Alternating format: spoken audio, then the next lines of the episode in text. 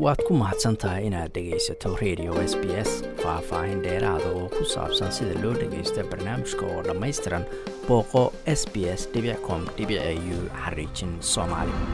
Iyadoo soomaaliya hadda la soo gebagabeeyey doorashada guddoonka labada aqal ee baarlamaanka ayaan qaar ka mid a xubnaha jaaliyadda magaalada melbourne waxaan weydiinay bal siday u arkaan doorashooyinka u dambeeyey waxaana codadkooda aada maqli doontaan marka hore cumar shire kadibna waxaad maqli doontaan injineer cabdulaahi aadan.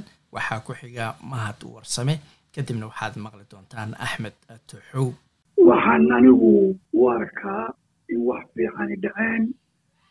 Doorashadii shalay daraad dhacday ee lagu doortay guddoonka baarlamanka taasoo muddo badan qaadatay in halkaa la soo gaaro caqabado badan lagala kulmay.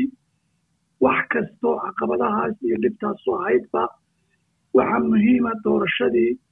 Way dhacday guddoonkii waa la doortay. Waxaana aada ugaga mahad celinayaa mas'uuliyiintii kala duwanayd oo heer guddi iyo heer madaxa dowladda intaba ahayd ee halkaas soo gaarsiiyey ayaa aada ugu mahadsan shaqada fiican ay qabteen waana arrin aada iyo aada loogu baahnaa waxaa hadhay waa doorashadii madaxweyneha insha allahna waxaan rajaynayaa doorashada madaxweynuhu inay sidii oo kale u dhacdo iyadoon caqabad lahayn madaxweyneyaasha sharaxan waxa fiican oo dalku maanta u baahan yahay madaxweyne marka ugu horeysa aan ka ficil qaadan dibna ugu laaban wixii labadii sano la soo maray. Horey inuu gudbo u socdo oo uu waxqabadka iyo dadka caqabadaha abaaraha waxyaalaha la taagan yahay iyo dowladda waxa ka dhiman systemkii ka dhinnaa sidii maaragtay dastuurka qabyada ah iyo wixii kaloo dalka horumarintiisa inuu horey ka ambaqaado waayo hadduu ku mashquulo caqabadihii la soo maray uu ka falceliyo waxa weeye weligeen halkaasaynu dib ugu mashquulaynaa qof kasta oo dalkan soo maray ama soo qabtay wuxuun buu soo qabtay wuxuuna jeclaa inay si wax u dhacaan laakiin dadku sibay u kala aragti duwan yihiin sibayna u kala rabitaan badan yihiin. Marka in lagu mashquulo maaha madaxweyne waxaynu u baahan nahay mansuula tijaabsan maxaan ku idhaahdaaye horey uga soconaya. Marka anigu waxaan jeclahay inay saas madaxweynaha la helo. Asalaamu calaykum waraxmatullah. Xasan waa mahadsan tahay barnaamijka iyo dhegeystayaasha qaayaha leh ee ku xiran s b s and somali language. Aad iyo aad ayaan kaaga mahadinaya fursaddan waxa weeye marka ugu horreysa walaalow waxaan mudday soo jiitantay haddana ha ahaatee yacni dariiq ayay soo madhay marka hadduu ilaah yidhaahdo waxaan rajaynaynaa. Adisbo waxaan soo gaarnay xilli ay tahay in ay muhiim tahay in ummaddii ay mataqaanaa xoogaa ay weji yeelat markii loo fiiriyo geeska africa markii loo fiiriyo adduunka markii loo fiiriyo dhinac walba marka hadda waxaan soo istaagnay at least in mataqaanaa qolihii mataqaanaa baarlamaanka la doorto soo gabagaboobo arrintaas haddana uu baarlamaanka speakerkiisi la doorto marka inaan weji yeelanay oo xoogaa ay qaab yeelataan moodnaa waxaan ilaahay ka baryaynaa inta dhiman inaysan mataqaanaa dagaalo iyo dhibaato abuurin. Marka saas daraaddeed anigu aragtideyda waxa weeyaan always waxaan iska ahay mataqaanaa nin oo dhinaca wanaagsan wax ka fiiriya ama optimistic loo yaqaano. Marka waxaan rajaynayaa aragti ahaan carqalado badan baa la soo maray mataqaanaa yacni dhibaatooyin badan baa la soo maray sababtoo ah dowladaha sokeeye iyo dowladaha deriska ah iyo kuwo badan oo dana kale east africa ayaa waxaa moodaa inay ku loolamayeen siday wax u socdaan. Mataqaanaa markaa sidaa daraaddeed waxay ugu muuqataa hadda at least iyadoonan xabadna dhicin dagaal fool leh oo mataqaanaa dagaal tooleed iyo qabiileedna aan dhicin in mataqaanaa maanta baarlamaanka hadduu la doortay waxaan rajaynayaa inta dhimanna in mataqaanaa wanaag lagu doorto. Anigu kolleyba aragtideeda waxaan jeclaan lahaa madaxweyne progressive ah oo mataqaanaa dadka meesha ay joogaan wax ka sii qaada adduunka la qabsada cilmiga adduunka iyo mataqaanaa shuruucda adduunka ku dhaqma in gadaal naloo celiyo oo mataqaanaa naloo celiyo mataqaanaa sidii talabaan oo kale iyo waxyaalo la mid ah yacni aniga aad iyo aad ayay aniga iyo inta kale ummadda soomaaliyeed ee mataqaanaa progressivekaba ay u dhibaysaa meel walba oo la joogo. Sababtoo waxa weeyaan yacni maamul aan qorshaysnayn oo oo ku dhisan mataqaanaa caatifad iyo ku dhisan mataqaanaa yacni waxyaalo aan mataqaanaa aan lahayn qaab lahayn weji lahayn isma maamuli karaan isma bixin karaan. Marka saas daraaddeed in uu madaxweyne noqdo madaxweyne progressive ah horusocod ah ummadda iyo jawiga maanta ka jira adduunka oo aad marxalado adag soo galay. Dagaallo ay ka socdaan yurub in madaxweyne uu noqdo madaxweyne progressive ah oo ummadda meesha ay jirto hore uga sii qaada aan gadaal u celinin. Bismillahi raxmaan raxiim xasan waa ku salaamaya marka hore adigii bahda s b s somali news australia. Xasanow waxaa ii muuqdaa inaan hadda meel fiican uu dalku soo gaaray maadaama muddo sanad iyo iyo dhowr bilood ah uu hubanti la'aan ku jiray oo walaac badan iyo dhahaystay waddankan xagee aadi doonaa aan ka walaacsan in dib loo laabto. Maanta alxamdulilah waddankii wuxuu haystaa labadiis aqal oo dhammaystiran inkastoo xubnooyin ay ka maqan yihiin weli laakiin iyadan insha allah waa la soo dhammaystiri doonaa lagu heshiin doonaa.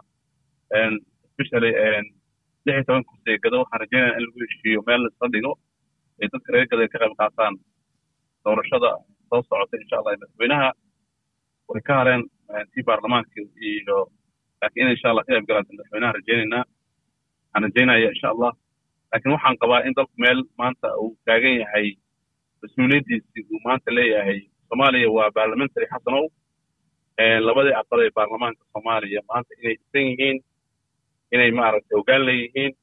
Hoggaankun hadda shaqadiisa uu qabsanaayo oo oo maaragtay diyaarinayo doorashadii madaxweynaha. Haddee dhacdana insha allah waxaan rajeynaya si peaceful inay noogu dhacdo. Maaragtay haddana si xaaladda ku socota kulley waa xaalad degan waxaa u malaysaa kooxihii iska soo horjeeda inay soo wada dhaweynayaan doorashooyinka dhacay sida madaxweynaha hadda jooga maxamedullahi farmaajo iyo musharaxiinta madaxweynaha raadinaya iyo ra'isul wasaarihii. In dadko dhan ay soo dhaweynayaan doorashooyinka dhacay labada aqalba marka arrin fiican baa ii muuqata. Ilahi waxaan ka rajeynaya sifac inuu nagu dhamaystiro dalkan hoggaan fiican oo ka saara marxaladda uu ku jiro. Fahmi karaa dhibaatada soomaaliya ka jirta. Culeysyada soomaaliya ka jira. Soomaaliya waddan boqorsan waaye u baahan in tartiib dadkiis loo soo urursho marka waxaan rajeynaya ilahi inuu noo keeno. Hoggaan fiican oo maarata kheer qaba dalkan ka saara. Buuqan isqabsigan iyo waktigan adiga ku jira ammaan darrada waddankii meel walba nimankii baa la wareegay dhallinyarada ahaa in maaragtay waddanka laga badbaadiyo ammaankiisa la soo celiyo dadka soomaaliyeed lasu soo dumo unitigooda iyo kalsoonidooda la dhiso marka ilahi waxaan ka baryaa inuu noo keeno hogaamiye hooshaa qaban kara dad badan baa sharaxan laakiin hogaamiyaal waxaa ku jira hooshaa ka bixi kara ilahayna iyaga ku aadiyey baarlamaankuna ay gartaan in dalkan meesha uu joogo qofka kaxayn kara inta badan qofka garanaya dadka soomaliya inuu isku dib iskugu soo dumo kalsoonidii mujtamac ahaan inuu dib u dhiso muxuu ammaankana ka shaqeeya oo sharciga waddanka u yaalana fuliya oo maaragtay raaca. Wuxuu isaga jecel yahay isu jecel yahay aan wakti badan ku lumin. Doorashada isaga soo laabkiisana aan ka fikerayn ee ka fekeraya siduu meesha ku joogi lahaa ama siduu u soo laaban lahaa aan ka fikerayn uu dhahay bal afartaasaan lagu doortay wixii aa qaban karta qabo isagoo ummadda la tashanaya soomaaliyeed. Dalkan dal tashi u baahan waaye dal anaa ayda u baahan maaha mahadsanid xasan adigii s b s labadii maaragtay waa idin salaamay aad baana maarata ugu faraxsanahay inaad maaragtay australia jaaliyadda australia maarata xogahooda la aruuriyay fikirkooda aniga fikir ahaan waxay ila muuqataa in maaragtay doorashadii ay ugu dambeyntii maaragtay ay dhacday si wanaagsanna ay ku dhacday sideedaba maaragtay maxay waxyaabaha dhibaatooyinka inta badan soomaalida ku ahna waxa weeye maaragtay doorashadan dadban marka doorasho sideedaba annaga waxaa ugu wanaagsan markii ay noqoto one man one vote sistemyada oo adduunka caalamiga ka dhaco waa maaragtay waddo loo maray leedahay. Laakiin markii la yidhaahdo doorasho dadban marka waxay iska leedahay ciladaheeda marka waxayna ka mid tahay dhibaatooyinka maalmahan dhacayay waxay ka mid tahay maaragtay doorasho dadban iyo systemkeeda iyo bolicigeeda oo si maaragtay lajiifyaano bannaan lajoojiyaano bannaan ah loo qoray. Marka runtii aad wax loogu maaragtay maxay ahayd looga naxo ayaa maaragtay ay noqotay. Marka waxaa inta badan aniga ila muuqataa aan u aanaynayan waxay tahay doorashadiioo xoogaa noqotay mid maaragtay waktigeedii soo dhaaftay. Marka dadkiina xoogaa anxious ku noqday maaragtay siday wax u socdaan. Marka shacabkii oo sugi waayey iyo dadkii maaragtay hawshii waday oo ayaga naftirkooda ku dheeraaday iyo maaragtay maxay ahayd systemkan oo doorashada dadban oo ku garaysan four point fiveka oo runtii system aada u qaldan marka oo aniga fikirkeyga haddii maaragtay aan cabirana haddii ay waxaan sidaan ku sii socdaana aysan ahaaneyn macnaha mid weligeed saxanto maaragtay transition kasto markay bottleneck oo kale sidan oo kale u noqoto doorashooyinka ciladahan iyo kuwa ka way soo baxayaan marka runtii at the end of the day dowladda hadda jirto wax badanay soo qabteen finalyna maarata maxay ahayd doorashadii way dhacday marka runtii hadda waxaan rajaynaynaa in ilaahay u fududeeyo mas'uulka hadda cusub madoobe in ilaahay maarata u fududeeyo iyo tiimkiisa. Madaxda maarata madaxweynahana si maaragtay ay wanaagsan ay ku dhammaato doorashadiisa. Cid alle cidda imaanayso marka aniga inkastoonasan ii muuqanin maaragtay hadda aan dhihi karo qof hebel iyo fikir hebel ayaan taageersanahay waayo ma jiro wax hadda aniga aan arkay nin dad group ama individuals inta soo taagay oo policy program next four years miiska soo saartay ay jirin. Haddana laakiin waxa waaye ilaahay maaragtay lagama quusto naxariistiisa in ilaahay noo keenaa laga yaabaa maaragtay muxuu ahaa madax maaragtay wanaagsan oo dadka qulubtooda isku keena una jiheeyo kana samta bixiyo doorashadan dadban iyo arrimahan cagajiidka ah ee socdo gaarsiiyana doorasho one man one vote ah waddankana ka saaro dhibaatooyinka iyo masiibooyinka haysto dhinaca abaar ha noqoto shaqo la'aanta dhalinta maaragtay maanta shaqo la'aanta ay ku haysato waddanka. Iyo maaragtay muxuu ahaa masiibada maaragtay maxay ahayd xagga maamulka iyo dowlad xumida. Ee jirta dhinac kasta ka jirto maaragtay maxay ahayd ka saaro. Marka aniga waxaan dhihi lahaa maaragtay waxaan u rajaynayaa bil ramadaana lagu jiraa in soomaaliya gudaha iyo dibaddaba ay u duceeyaan in ilaahay middan maaragtay transitionkan iyo sida hadda wax u dhacayaan wax ka wanaagsan ay yimaadaan. Horumar macnaha ka wanaagsan midkaana uu la gaarsiiyo hadduu alla kaasi wuxuu ahaa axmed tooxow horena waxaad u maqlayseen mahad warsame injineer cabdulaahi aadan iyo cumar shiree waad ku mahadsan tahay inaad dhegaysato raadiyaha s b s. Toos u dhegaysa barnaamijka habeenada arbacada iyo jimcada tobanka fiidnimo. Ama kaga soo cesho website-ka iyaga iyo s b s radio app. Booqo s b s com au xariijin soomaali